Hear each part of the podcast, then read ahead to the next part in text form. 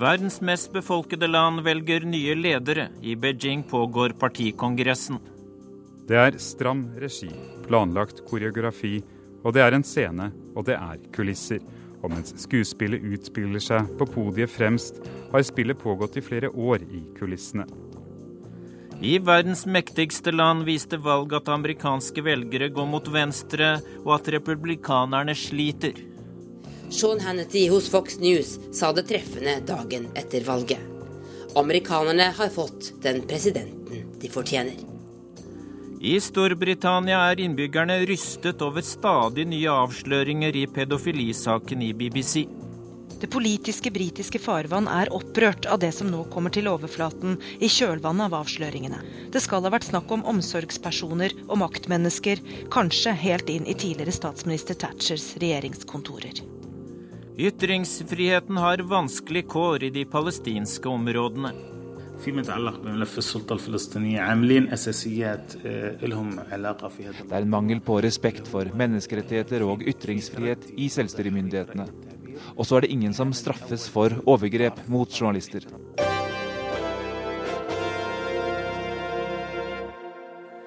Vel møtt til en knapp time utenriks i verden på lørdag. Mitt navn er Dag Bredvei. Vi skal først til Storbritannia. Britene er rystet over pedofiliavsløringer som vokser dag for dag. Politiet rapporterer om en tredobling i antall henvendelser fra ofre for maktpersoner som skal ha misbrukt dem.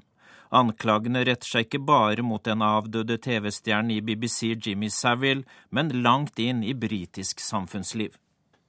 Welcome to January 1st, 1964. It's 6:34 p.m. and it's a program that you've never heard of before. It's called Top of the Pops, and there's the chart. Slik lød begynnelsen på Jimmy Savills fjernsynskarriere.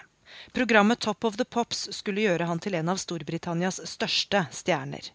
De siste fem ukene har politiet blitt nedringt av folk som har historier om seksuelle overgrep fra Savile fra den gang de var barn.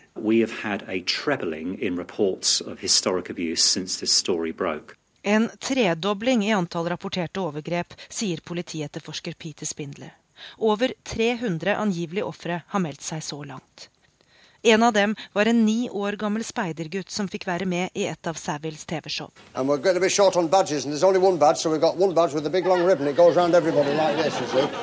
Speidertroppen fikk en medalje på deling under TV-programmet. Men etter opptak spurte Savile om gutten, som nå er voksen og vil være anonym, ville ha sin egen medalje. For å få den måtte han bli med til et annet rom i BBC-bygget. Til BBC forteller han hva som skjedde videre. Um, then that's when he put his hand on my knee um, and started touching me. And then at the same time, he grabbed my hand and forced my hand on top of his trousers and made me sort of rub him. Speidergutten ble tvunget til å utføre seksuelle handlinger på den nå avdøde Savile. Da anklagene mot ham begynte å komme til overflaten for fem uker siden, hadde Savills etterkommere nettopp fått satt opp en stor gravstein som hyllet den dekorerte britiske TV-storheten.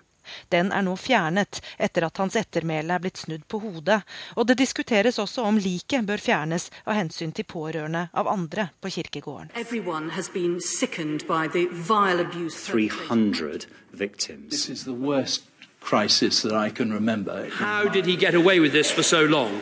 Men det er ikke bare rundt Savile det stormer. Det politiske britiske farvann er opprørt av det som nå kommer til overflaten i kjølvannet av avsløringene. Barnehjemsbarn ved nesten 40 barnehjem i Wales hevder de ble misbrukt.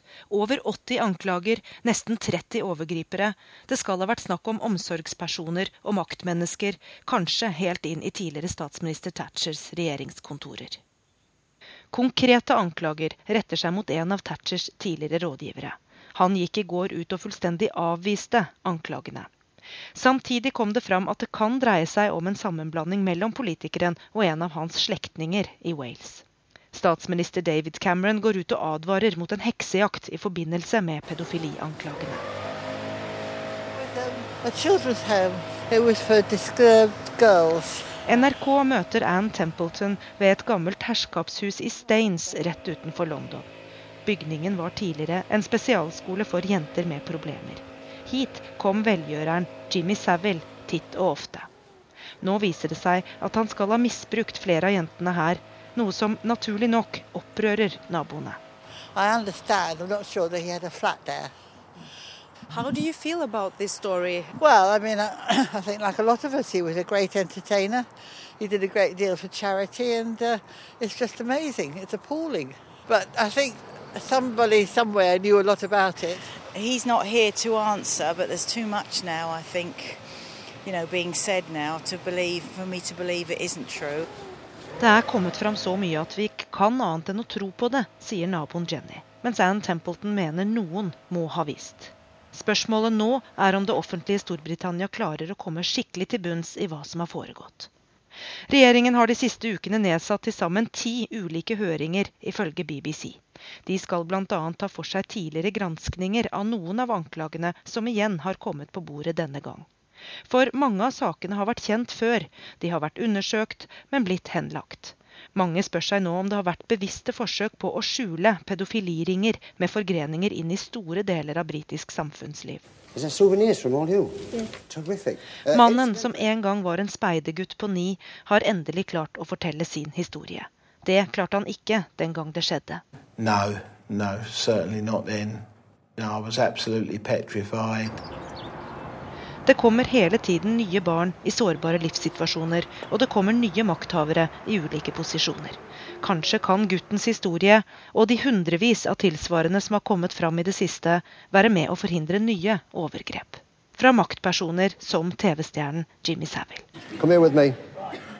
Just put yourself in there. Put Two, yourself- I get two. You get two, you get two. I should be giving girls away. Less than safe as that. I'm going to get... Ja, og Jimmy Savills kommentar her om at han burde gitt bort jenter for en ny klang etter alle avsløringene den siste tiden. I Søndagsrevyen i morgen møter du et annet av Savills angivelige ofre. Og det var Storbritannia-korrespondent Gry Blekastad Almås som hadde laget reportasjen.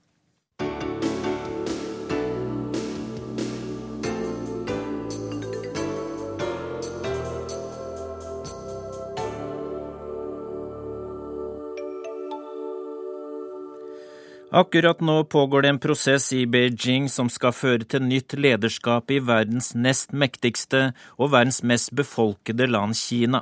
Flere enn 2000 delegater er samlet til partikongress, som skjer hvert femte år. Dette er den 18. i rekken. Og Asia-korrespondent Anders Magnus i Beijing, hva skjer inne i partikongressen i dag? De har eh, gruppediskusjoner. Eh, hver provins eh, har en litt mindre sal hvor de sitter og diskuterer og tar utgangspunkt i den lange talen som partileder Hu Jintao holdt på torsdag. Og, så diskuterer man den på den måten at man hyller utvalgte deler av den og trekker fram kloke ord fra lederen. Det er lite kritikk her. Men det kommer også noen big shots innimellom eh, på disse gruppediskusjonene. F.eks. var eh, Wen Jiabao på eh, en delegasjon og snakket om behov for demokrati. Og det har han jo snakket om nesten alle disse ti årene han eh, har vært nummer tre i makthierarkiet, men han har jo ikke gjort noe med det, så folk eh, ler jo litt av det og sier at eh, han kunne kanskje ha startet selv hvis, eh, med så mye makt hvis han virkelig hadde ønsket eh, demokrati i Kina. Xi Jinping, som skal eh, overta makten mest sannsynlig etter Hu Jintao, holdt en annen tale i en annen delegasjon hvor han hyllet de meget kloke ord til lederen, og det måtte han jo selvfølgelig gjøre. Han skal overta nå og må sørge for at eh, han eh, holder linjen videre fra han som er sjef akkurat nå. Får utenlandske journalister tilgang til partikongressen nå under denne prosessen? Ja, vi kan eh, komme ikke i diskusjonene, det, der er vi ikke velkommen. Men vi kan komme utenfor på gangen. Og hvis vi er tidlig ute, så går det an å eh, avtale intervjuer med utvalgte eh, mennesker også. Men det er ikke så veldig interessant for oss å komme dit. Det, det som var spennende, var jo selvfølgelig å høre Hu Jintaos tale, fordi den forteller hvordan kursen skal legges de neste ti årene. Men det som kommer etterpå, er stort sett bare etterplapring, og vi får lite nytt ut av det. Eh, Det som er viktig i den talen til Hu er jo f.eks. hans fullstendige avvisning av vestlig type demokrati. Så selv om eh, hans statsminister Wenjabao etterpå snakker om behov for mer demokrati, så er det ikke akkurat den veien det kommer til å gå. Man har understreket i partiet at den røde linjen skal holdes, og man skal ikke fravike partiets overherredømme i politikken. Du blir med oss videre. Vi skal høre hvordan selve prosessen med å utnevne en ny partileder foregår. Tidligere Asia-korrespondent Philip Lote har laget dette innslaget om partikongressen.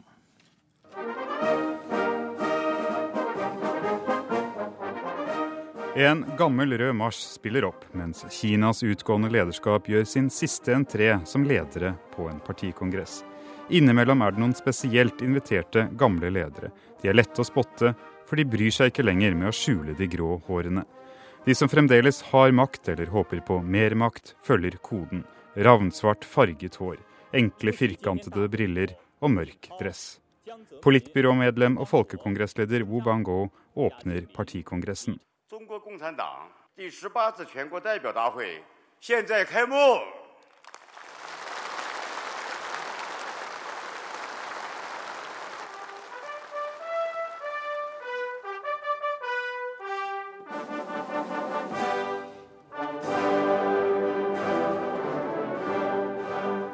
Mens nasjonalsangen spiller, står de rett opp og ned som de har gjort siden de var ungpionerer, og Folkerepublikken var ung under ledelse av Mao Zedong.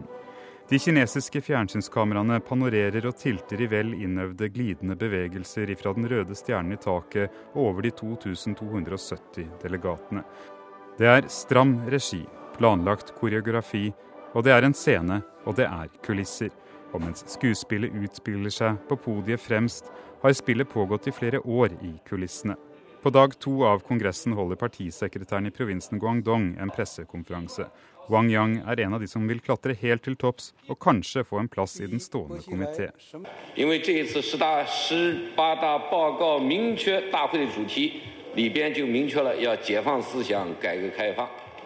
Et av våre hovedtemaer på denne 18. kongressen er å åpne opp for nye ideer og fremme reformer. Guangdong-provinsen vil ikke endre kurs og fortsette denne linjen, sier Wang Yang. I et naborom sitter ryddegutten Zhang Dejiang. Han ble satt inn som partisekretær i gigantbyen Chongqing da den tidligere partitoppen Bo Xilai ble avsatt og hans kone arrestert for drapet på en britisk forretningsmann. Bo Xilai hadde argumentert for en alternativ utvikling med større fokus på sosial fordeling, en politikk som fikk navnet Chongqing-modellen. Bo Xilai var en kandidat til den stående komité, nå er hans etterfølger, Ryddegutten, en kandidat, og svarer friskt i møte med vestlig presse.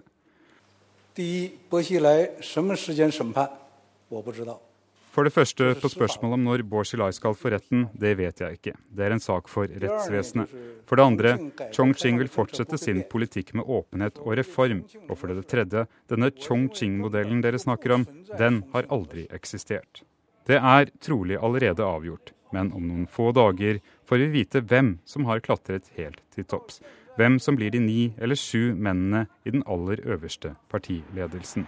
Og utenfor, imens det hele utfolder seg inne i folkets store sal, tar turister bilder av seg selv under portrettet av formann Mao Zedong på Den himmelske freds plass. Ja, Vi hørte her Anders Magnus, at det er allerede avgjort på forhånd. og Hva har skjedd i kulissene før eh, partikongressen startet?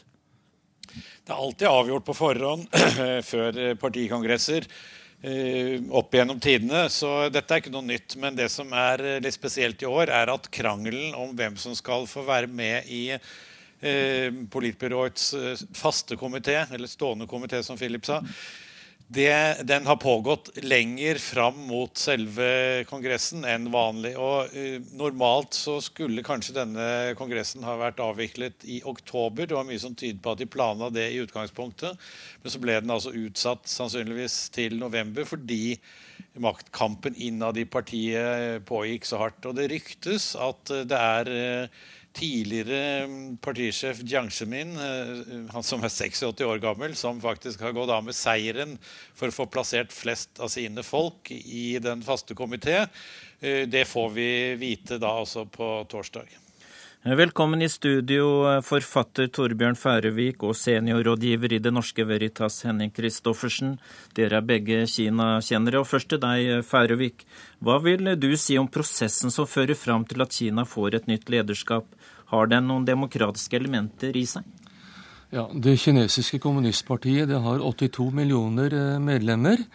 Eh, så man kan kanskje forstå at eh, ikke alle disse medlemmene kan være med og velge ny leder. Det er en veldig eh, vanskelig prosess. Og vi vet da at det kinesiske kommunistpartiet det er en veldig toppstyrt organisasjon. Så i forbindelse med mm, denne utvelgelsen så er det da sentrale ledere som kommer sammen på kammerset i ulike faser. Eh, og vi vet også at kommunistpartiets organisasjonsdepartement eh, spiller en veldig viktig rolle i utvelgelsen. Ellers så er det jo da de forskjellige fraksjonene, eller klanene om man vil, eh, som peker ut sine folk. Og så forsøker man da å komme fram til en viss enighet, som da munner ut i de valgene som skal skje på denne kongressen. Henning Christoffersen, hva slags legitimitet har regimet i folket når lederen blir utpekt av noen få på denne måten? Mer legitimitet enn vi eh, ofte tror eh, og kan tenke oss. For det er vanskelig for oss å, å, se for oss at et eh, parti og leder som ikke er valgt av folket, samtidig kan ha en legitimitet i folket. Men det er faktisk tilfellet i Kina i stor grad. Så, og, og, jeg mener at det går også utover den eh, forenklede vestlige forklaringsmodellen på at så lenge partiet leverer økonomisk vekst, så er det der legitimiteten er mer eller mindre 100 Det, det mener jeg er en, en forenkling. Eh, partiet har vist styringsevne i 30 eh, år. Eh, og det i seg selv får de stor eh, kred av i befolkningen. Det betyr selvsagt ikke at ikke det er problemer i Kina. Bevares. Det er, det er, det er den enkleste sak i verden å peke på fem eller ti enorme problemer i Kina. Men jeg tror nok vi undervurderer den legitimiteten og posisjonen som partiet faktisk har i befolkningen. Selv i, selv i disse dager. Ja, President Hu Jintao han har brukt ordet demokrati flere ganger i talene sine. og Eh, betyr eh, ordet demokrati noe helt annet i Kina enn her i Vesten? Det tror jeg vi eh, trygt kan si. Hu Jintao har brukt ordet demokrati på hver partikongress, han. Og og Han gikk jo høyt på banen når han eh, tok makten for ti år siden og skulle skape det harmoniske samfunnet. Altså Han skulle minske forskjellene på fattig og rik, og han skulle bli kvitt korrupsjonen. Og Det er til forvekslingsvis likt det han sier i dag også. Han har feilet på det. For, eh, altså Forskjellene mellom fattig og rik i Kina har eh, økt eh, under hans periode. Det er, det er det ingen tvil om. Mm. Kina slår jo hardt ned på dissidenter Anders Magnus som Liu Xiaobo, og de åpner opp på andre felt. Det er blitt større pressefrihet. og Blir det aldri et fullt ut demokratisk land, Kina? Jo da, det kan det absolutt bli. Eh, og, det er interessant å snakke med ungdommen. Eh, foran denne kongressen så snakket vi med med flere eh, ungdommer, både studenter og arbeidere. Og de eh, sier at eh, de håper det nye styret kan åpne opp, og at det kan bli litt mer demokratisk. Så spør vi da ja, når kan det skje? Kanskje i 2015, var det en som sa. Og det tror jeg er gjengs for mange at de, de, de, tror at Kina blir et demokrati som ligner mer og mer på, på, slik vi har det i vårt land, men at det vil ta fryktelig lang tid. Men det er klart at det er eh, ikke et oppmuntrende tegn at eh, det har blitt veldig mye eh, sterkere innstramming overfor opposisjonelle, som du nevnte, fredsprisvinner Liu Xiaobo. Men det er jo hundrevis, tusenvis av andre også som, eh, som er enten fengslet eller sitter i husarrest. Så, og særlig nå foran Kongressen. Og det er jo ikke blitt eh, mer pressefrihet. Men det har blitt et uh, vanskeligere problem for myndighetene å sensurere Internett. Og det kan være uh, godt nytt for befolkningen, for det er lettere for dem å få uttrykt uh, hva de føler om sosiale problemer på Internett for tiden. Så det er jo et skritt i riktig retning i så måte. Ja, Færøvik det er et land med store paradokser her. Vi ser at de åpner opp på mange områder, mens de strammer inn når det gjelder de opposisjonelle i landet. Ja, og Når det gjelder dette med legitimitet og fremtiden altså Vi må huske på at Kina det er et eh, land med en veldig lang keiserlig tradisjon. Kina det var et eh, keiserstyrt land i 2000 år. Eh, og vi kan godt si at per i dag Kina har aldri opplevd en eneste dag med demokrati. Det betyr også at overgangen til demokrati vil bli veldig vanskelig. Men jeg tror at det som må skje i årene fremover, det er det at Kina åpner de politiske ventilene gradvis og på en planmessig måte. Det er ingen som forlanger at Kina skal bli et demokrati over natten. Jeg har aldri hørt noen si at Kina skal bli et demokrati over natten. Men det man kan håpe på, det er at denne prosessen skjer gradvis og på en planmessig måte. Er du enig med Christoffersen at det er mer demokratisk enn man kan få inntrykk av i vestlige medier? Ja, eh, vi kan godt si at kineserne har jo fått et stadig større privat rom å være i i de senere årene. Eh, og dette private rommet det er det ikke så lett å måle med et barometer eller eh, en kuleramme, men det er der allikevel, og det påvirker kineserne på en positiv måte. Men så er det den andre siden, og som vi ser da veldig tydelig nå om dagen, i forbindelse med denne partikongressen, hvor nervøst regimet allikevel er. Altså, det er forbudt å slippe ut eh, brevduer. Det er forbudt å slippe ballonger til værs, fordi disse ballongene og brevduene kan føre med seg uheldige budskap osv. I Beijing så bor det 15 millioner innbyggere. Vi vet at det, nå er det 1,4 millioner frivillige som er i arbeid eh, for å opprettholde sikkerheten i hovedstaden. Og disse kommer i tillegg til de 600 000 øvrige Eh, autoriserte sikkerhetsfolkene. Så vi må eh, kunne da si at hver åttende innbygger i denne byen er opptatt med sikkerheten i disse dagene. Eh, og det bør fortelle ganske mye. Ja, Anders Magnus, hvordan merker du denne nervøsiteten i regimet? Ja, Byen er jo på mange måter forseglet. Det er veldig streng kontroll med hvem som slipper inn til Beijing i disse dager. Og vi ser jo alle disse sikkerhetsvaktene som sitter rundt på hjørnene. Eh, det er mange frivillige, og som eh, Færøyvik sier, så, så er det veldig mange rare forbud om dagen. F.eks.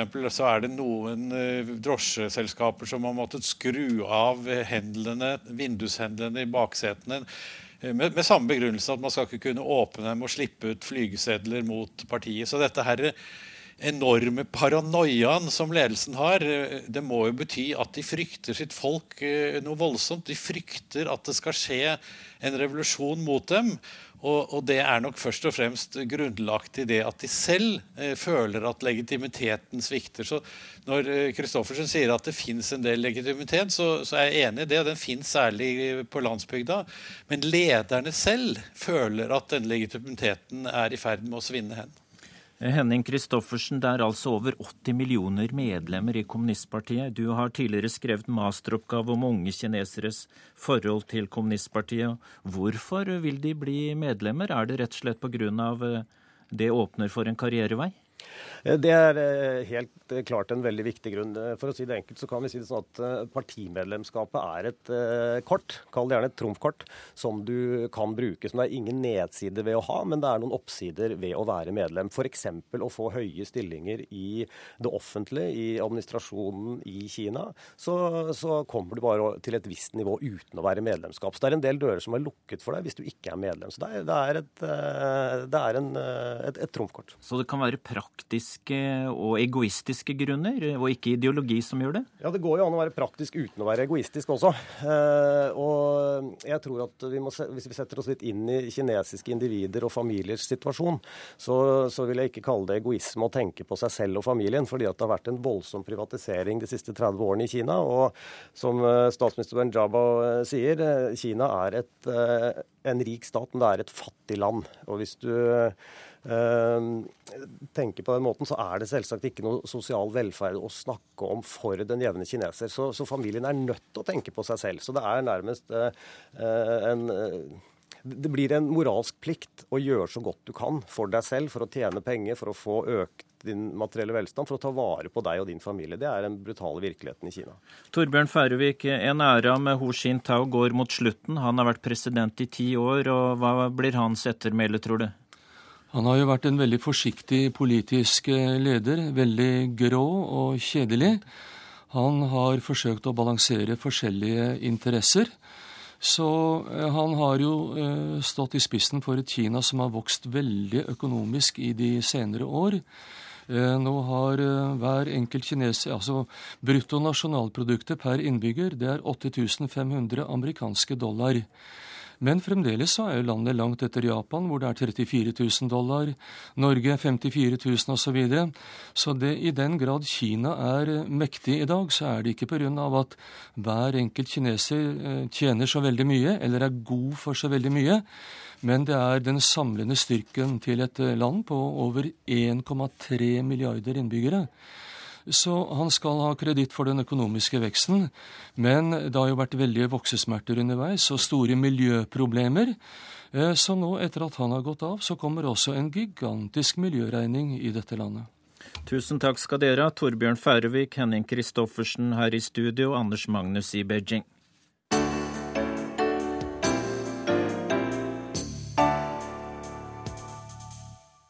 Palestinske myndigheter, palestinske myndigheter er redde for kritikk og forfølger kritiske journalister eller ytringer på sosiale medier. En av de som har fått merke det, er Nidal Abu Akkar, som startet en liten radiostasjon for halvannet år siden. Midtøsten-korrespondent Sigurd Falkenberg Mikkelsen, du er på, er på Vestbredden og har snakket med han.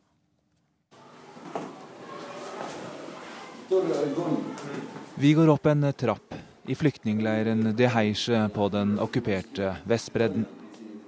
Veggene er malt med bilder av gamle revolusjonshelter som Che Guevara og palestinske ikoner som poeten Mahmoud Darwish. Nidal Abu Akkar leder an. Han halter litt etter en ulykke, og det tar tid før vi kommer opp til kontoret hans og det lille radiostudioet hvor det pågår en direktesending.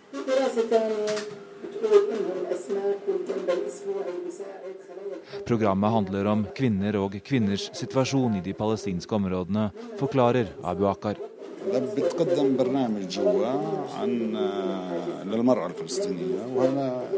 Men det som kommer ut i eteren er ikke bare politisk. Det handler også om mateoppskrifter og utenlandsk mat, denne gangen kinesisk. Radiostasjonen sender i flyktningleiren og området rundt, som omfatter Betlehem. Det er et lavbudsjettprosjekt med mye frivillig arbeid, og Abu Akkar tror at radioen kan være et medium selv i konkurranse med internett og TV.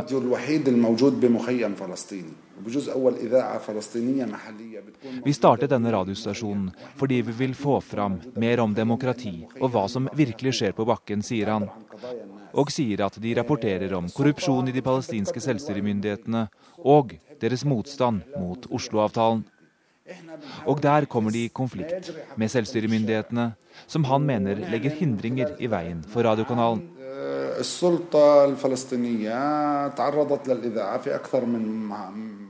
De krever bl.a. altfor mye skatt, som vi ikke er i nærheten av å kunne betale, sier han. Han har sine politiske sympatier på venstresiden, og i trappeoppgangen var det også et bilde av George Habash, den avdøde lederen for PFLP, en venstreradikal gruppe som er en del av PLO, men som også står på EUs og USAs terrorliste etter bl.a. mange flykapringer. Selv har han sittet elleve år i israelske fengsel, åtte av dem uten å vite hva han var tiltalt for. Han mener at hans radiostasjon, som alle andre som ikke tilhører enten Hamas eller Fatah, blir dårlig behandlet.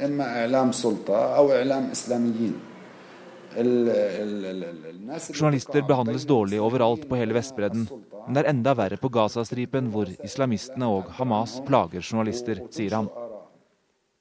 De palestinske områdene synker på pressefrihetsrangeringer. I årets rapport fra Reportere uten grenser ligger de på 153. plass av 179 land som er med på listen. Det er et fall på tre plasser, og noe av grunnen til det var bl.a. angrep på journalister som dekket en demonstrasjon mot konflikten mellom Hamas og Fatah. Myndighetene har også vært urolig for at omveltningene og demonstrasjonene som preger mye av resten av den arabiske verden, også kommer hit. I de siste ukene har et nytt element kommet til, forklarer doktor Issam Abin ved menneskerettighetsorganisasjonen Al-Haq. I forrige uke var nemlig palestinernes president Mahmoud Abbas på israelsk fjernsyn og sa at han ikke trengte å dra tilbake til sin hjemby, og at det aldri vil bli noe væpnet opprør så lenge han hadde makten. في في خوف من الانتقاد وفي ملاحقه للنقد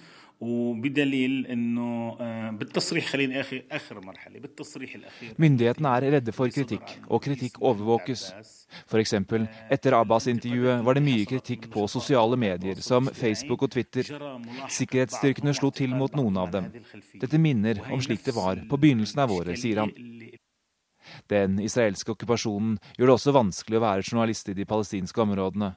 Men når det gjelder indre forhold, er det to ting som er avgjørende, fortsetter Abin. Det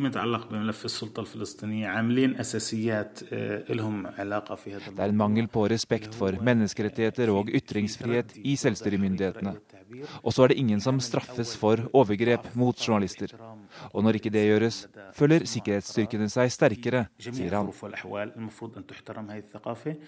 والنقطة الثانية الأساسية اللي هي غياب المحاسبة الحقيقية على الانتهاكات عندما تغيب المحاسبة على الانتهاكات الأجهزة الأمنية وكأنها تشعر بأنها لديها نوع من الحصانة Klokka er 11.34. Du hører på Verden på lørdag i NRK P2.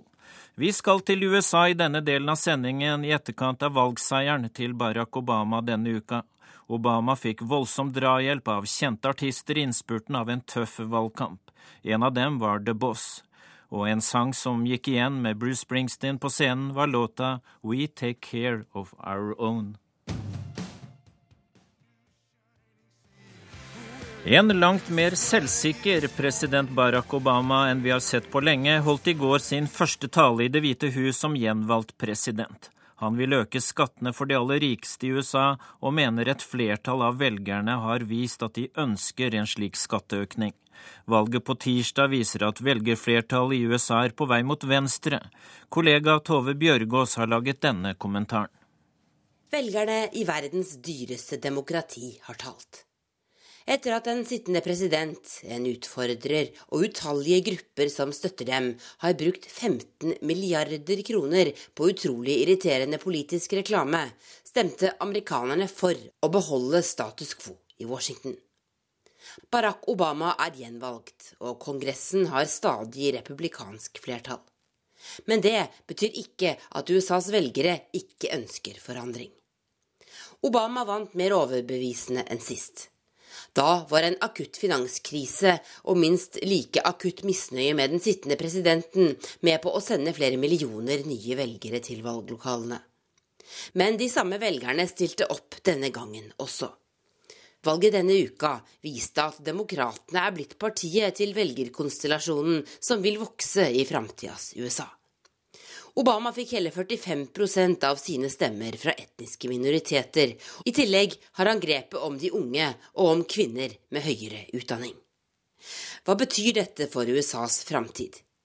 Jo, etter fire år med skremselspropaganda om at Obamas valgseier i 2008 bare var et protestvalg, og at hans agenda var et tomt skall av løfter om håp og forandring, har velgerne sagt nei. Denne gangen handlet valget om hvilken vei USA skal ta i den økonomiske politikken. Skal kapitalismen få ordna opp nok en gang? Eller er forskjellene blitt så store at myndighetene må drive visse utjevningstiltak? Velgerne sa ja til Obamas løfte om at USA fortsatt skal være et sted der alle har mulighet til å lykkes.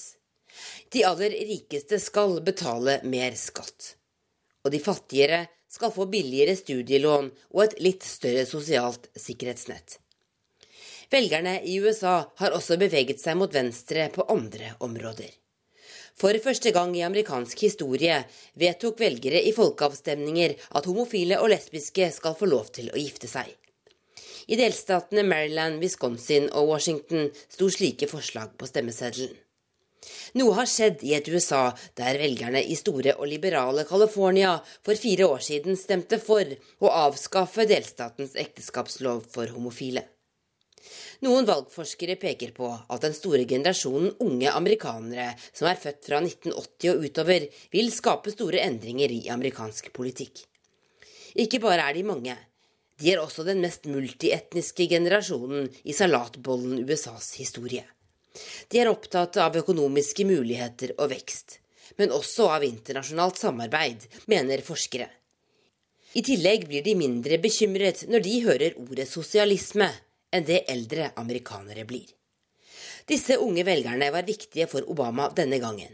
Men de kommer til å bli enda viktigere for demokratene framover, ettersom en stor andel av dem har bakgrunn fra Latin-Amerika og altså tilhører USAs raskest voksende velgergruppe. Demokratene har ved hjelp av denne generasjonen og den store velgerrekrutteringen blant svarte og latinamerikanere bygd opp en ny base som det vil bli krevende for republikanerne å vinne terreng hos. Mitt Romney fikk denne gangen bare 27% av stemmene fra den latinamerikanske minoriteten.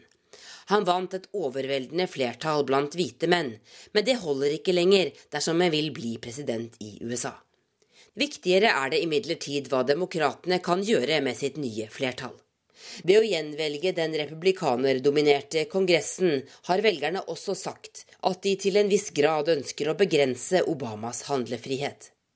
Det amerikanske politiske systemet er konstruert slik at presidentmakten og Kongressen skal balansere hverandre.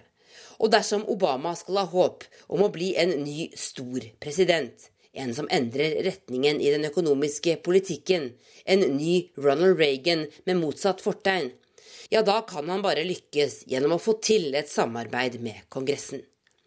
Amerikanerne er lei av splittelse og skremselspropaganda. De vil ha en president som kan se framover sammen med dem, mot et nytt USA der det handler om å løse problemer, ikke å skremme. Sean Hannity hos Fox News sa det treffende dagen etter valget. Amerikanerne har fått den presidenten de fortjener. Nå om enkelte utenlandske reaksjoner på gjenvalg av Barack Obama. Presidenten har mottatt gratulasjoner fra statsledere verden rundt, og mange ser ut til å være genuint tilfreds med at Obama sikret seg et gjenvalg. Men unntaket er Israel, der var regjeringens ønske at Mitt Romney skulle vinne valget. Palestinerne derimot er mer fornøyde. Og Sigurd Falkenberg Mikkelsen, du er Midtøsten-korrespondent, og du er i Jerusalem. Eh, hva sier palestinerne om Barack Obamas gjenvalg? Det er en del eh, lettelse å spore på palestinsk eh, side her. Men lettelse er ikke det samme som optimisme. Det var jo skyhøye forventninger til Obama da han ble valgt første gang, og særlig etter Kairo-talen i 2009. Og da ble de veldig skuffet. Så de er nok lettet, fordi de regnet med at det ville bli mye verre med Mitt Romney dersom han hadde valgt. Eh, så president Mahmoud Abbas har sendt sine eh, varme gratulasjoner til Obama.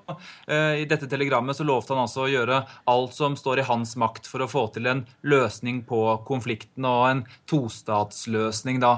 Ja, Når det gjelder Israel i forhold til Obama, så er det altså et land hvor de håpet Mitt Romney ville vinne valget. Han har en høyere stjerne enn Barack Obama. Hvorfor det? Det er mange her som eh, ikke er, eh, har vært særlig fornøyd eh, med Obama. I hvert fall ikke den figuren han har, han har vært. Særlig da på den israelske høyresiden så er det mange som har gjort han til et, til et hatobjekt. Fra politisk hold så prøver de jo nå å nyansere og si at Benjamin Netanyahu, statsministeren, aldri tok side. Og de ser fram til å jobbe med Barack Obama. Det er det jeg hører fra den israelske regjeringen.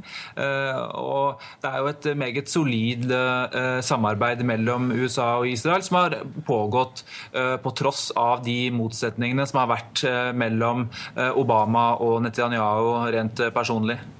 Obama blir av høyresiden i USA ofte karakterisert som en araber- og muslimvenn. Er det slik han blir sett på i Israel også?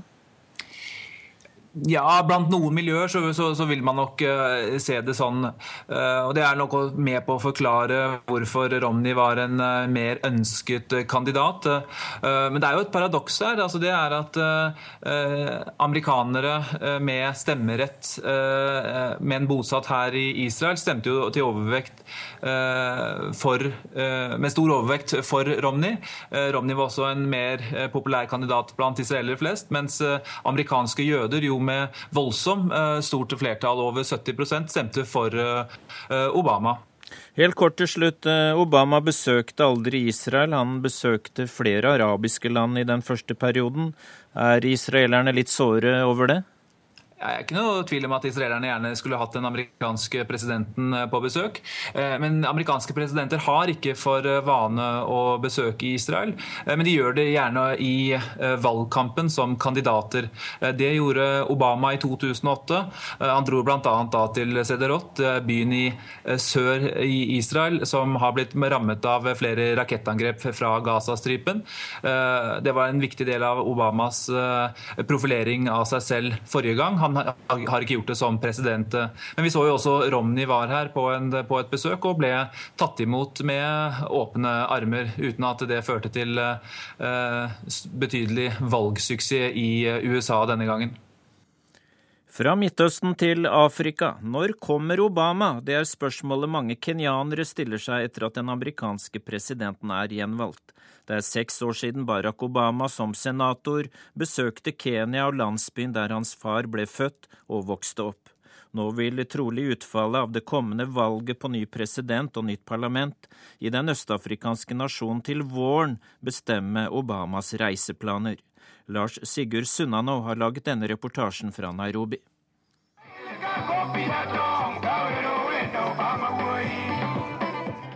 De aller fattigste her i Kenya jublet høyest da Barack Obama ble gjenvalgt som president i USA.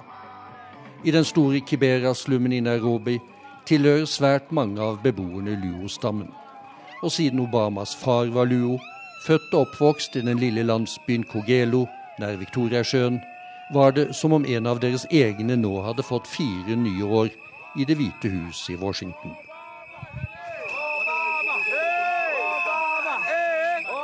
Men begeistringen i Kibera og ellers i Kenya har ikke kunnet måle seg med den som kom til uttrykk da Barack Obama vant sitt første presidentvalg for fire år siden. Da ble seieren feiret med nasjonal fridag, og kenyanerne flest regnet med å få et snarlig besøk. Det kom ikke, og det gjorde heller ikke løfter om større amerikansk bistand og hjelp til Kenya og andre afrikanske land. I expected uh, things like, uh, you know, more aids and uh, also even to visit Kenya because since he got uh, that uh, particular seat, he did not even come to Kenya. So we expect our son, if you get, you get something, at least you have to come to your, to your home. And he hasn't Jeg hadde ventet mer bistand, sier Steven Kadoy, som bor i Kibera. Om ikke annet hadde jeg ventet at han ville besøke Kenya etter at han fikk posisjonen sin. Men det har han ikke. Så nå venter vi på at vår sønn vil komme hjem snart, sier han.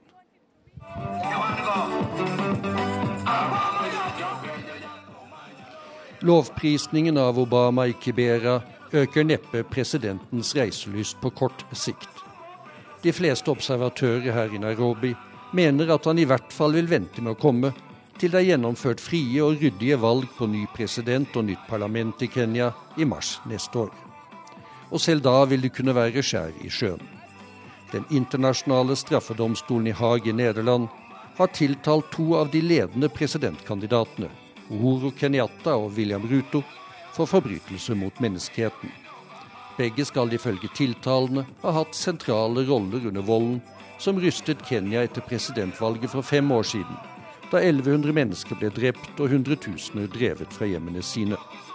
Skulle en av dem vinne presidentvalget i mars, vil det vekke oppsikt internasjonalt, sier Kenyas tidligere handelsminister dr. Mokisa Kitoi. I don't think Kenyans should dare elect a person that's indicted by the ICC as a president. Jeg tror ikke kenyanerne vil våge å velge en president som er tiltalt ved straffedomstolen i Haag, sier doktor Kitoi. Det vil være et skandaløst tilbakeslag å kompromittere fremskrittene vi har gjort mot et demokratisk styresett.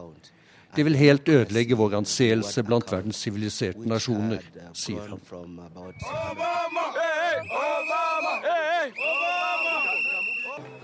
Når Obama kommer, er ikke det viktigste for hans tilhengere i Kibera-slummen. Det er at han kommer en dag. Selv når hans nye presidentperiode er over i USA. For i Kibera vil mange ha ham som ny president i Kenya når den tid kommer. Josef Ogundo er en av dem.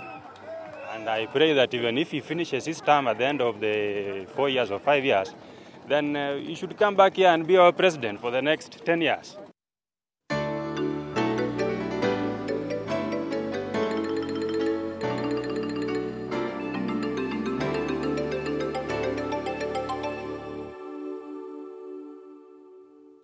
Ukens korrespondentbrev er postlagt i Moskva. Det handler om at regimetro russere mener at Vesten kritiserer landet deres rett og slett fordi russere er russere. Hans-Wilhelm Steinfeld forteller.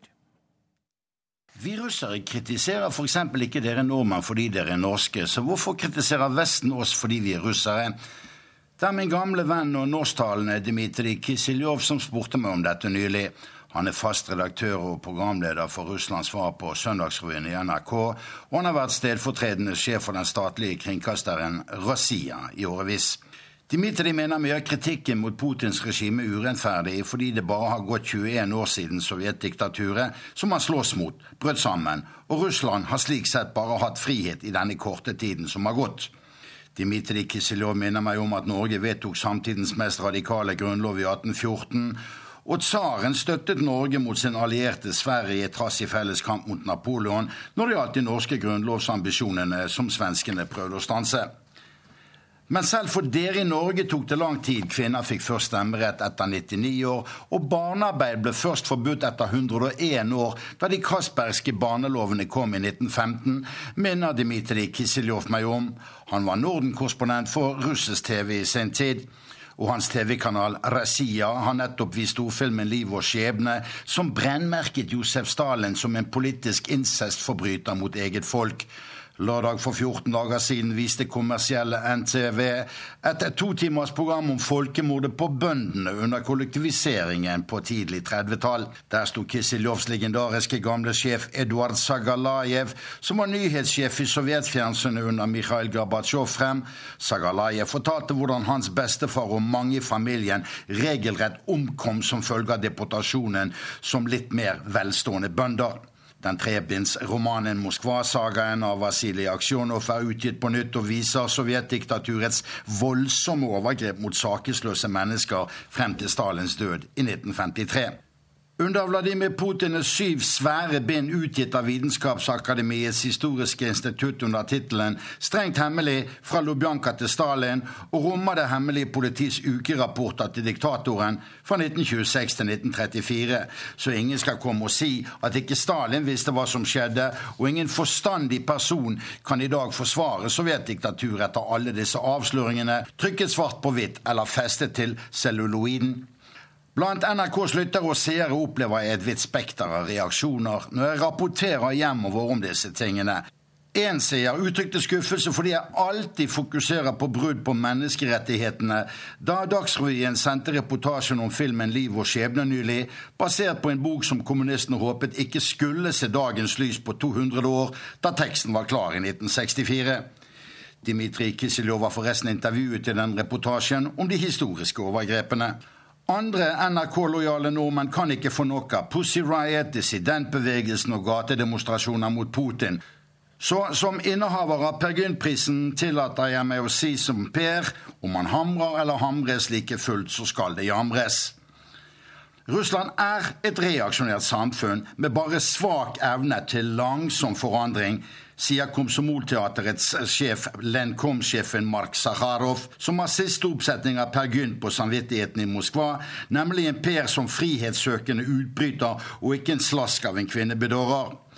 Mark Sakharovs russlandsanalyse siterte jeg som epigraf i boken 'Forvirringens tid i Russland', som kom for et år siden, også fordi opphavsmannen alltid sitter ved siden av Putin som nestor i teaterverden, og presidenten ganske ofte møter folket fra de skrå bredder. Min venn Dmitrij Kisilov uttrykker noe jeg hører overalt i det gamle Øst-Europa også. Ikke minst i min kones hjemland Ungarn er det mange som er lei den belærende pekefinger fra Vesten. I fjor røyk jeg ut i en diskusjon med Litauens frihetslord fra 1991, Vitautas Landsbergis, om blandingsøkonomi.